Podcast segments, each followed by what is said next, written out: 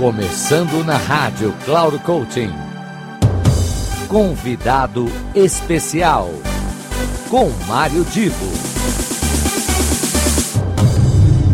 Alô, alô, queridos amigos ouvintes da Rádio Cloud Coaching, aqui é Mário Divo, mais uma vez recebendo alguém especial, um convidado ou uma convidada. Hoje teremos a Daniele Gomes, que é uma especialista em desenvolvimento humano e que nos últimos anos tem trabalhado bastante a questão da parentalidade. A expressão parentalidade lembra a questão de parente, de família, dentro do conceito de que a família é sempre, obviamente, muito importante na vida de todos nós.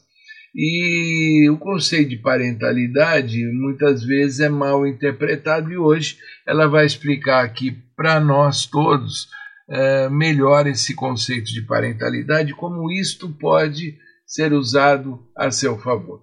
Vamos a ouvir agora a Daniele e no final eu volto para as palavras de encerramento. Até já. Olá, ouvintes da Rádio Cloud Coach. Estou muito feliz pela oportunidade de participar novamente desse programa tão conceituado. Muito obrigada, meu caro Mário Divo, por suas boas-vindas e acolhimento. E meu agradecimento especial a todos os amigos da rádio.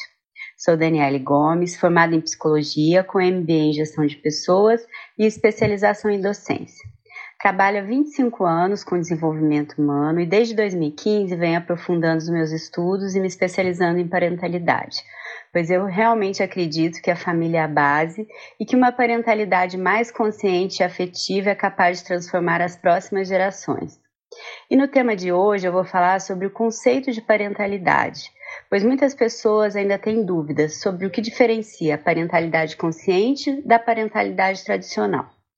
Quando nós construímos a nossa família e nos tornamos pais, é importante refletir sobre como desejamos que ela seja. Mas nem sempre a gente para para fazer isso.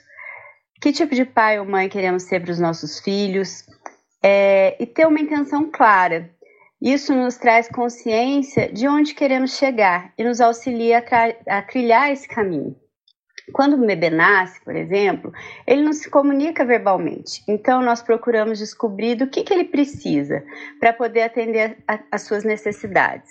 Observamos se ele está com fome, se tem algum desconforto, se precisa ser trocado, necessita de descanso. Conforme ele cresce, começa a andar, falar, mexer nos objetos, fugir de nós, atirar coisas no chão, nosso foco muda e passamos a querer educá-lo através do controle do seu comportamento. E quando os filhos são pequenos, isso até parece funcionar bem, mas à medida que eles crescem, isso passa a não fazer sentido. Se pensarmos a longo prazo, será que eu quero um filho obediente ou quero que ele seja autônomo, que saiba se posicionar, que seja assertivo, respeitoso, responsável?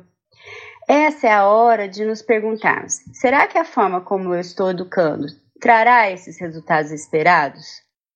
E alguns aspectos distinguem a parentalidade tradicional da parentalidade consciente, porque essa é a hora da gente escolher né, que tipo de parentalidade a gente vai exercitar com os nossos filhos. Em ambas, os pais desejam transmitir amor aos seus filhos, mas trilhando caminhos diferentes. Na parentalidade tradicional, ela é cultural. Repetimos coisas que muitas vezes não paramos para questionar se fazem sentido ou não e se devem ser mantidas. Já na parentalidade consciente, é, ela é científica e intencionada. Mas afinal, né, se a gente for pensar, é, qual que é a alternativa para o paradigma de educar um filho através do controle e da correção de seu comportamento, como eu exemplifiquei anteriormente. Na parentalidade consciente, nós procuramos a colaboração e, e buscamos criar uma relação saudável com eles.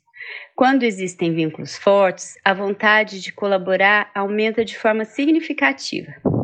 Se você gostou de saber sobre parentalidade tradicional e consciente e quer aprofundar mais seus conhecimentos, entre em contato comigo através do meu WhatsApp, que é o 11 98615 1975, ou me siga no Instagram, o meu perfil é arroba Daniele com dois L's, Vieira Gomes, e eu sempre falo sobre temas pertinentes à parentalidade. Espero vocês lá. Um grande abraço a todos. Pois bem, meus queridos amigos, essa foi a Daniele Gomes. Eu fico muito feliz por sempre estar apresentando aqui pessoas do mais alto nível e vocês sabem também que na semana que vem teremos mais uma pessoa convidada. E eu conto com a sua presença, com o seu prestígio e fica aqui então meu desejo de uma semana maravilhosa para você e sua família. Até lá. Final do programa Convidado Especial.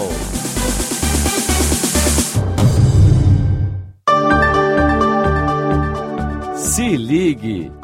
Semanalmente você ouve o programa Convidado Especial, sempre na segunda-feira às 15 horas, com reprise na terça às 5 e meia da tarde e na sexta-feira às 10 horas da manhã.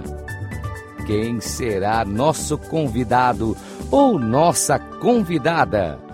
A surpresa é nossa e a revelação e apresentação de Mário Divo, sempre aqui na Rádio Cloud Coaching. Acesse nosso site radio.cloudcoaching.com.br. Confira toda a programação e baixe nosso aplicativo na Google Store. Rádio Cloud Coaching, conduzindo você para o sucesso.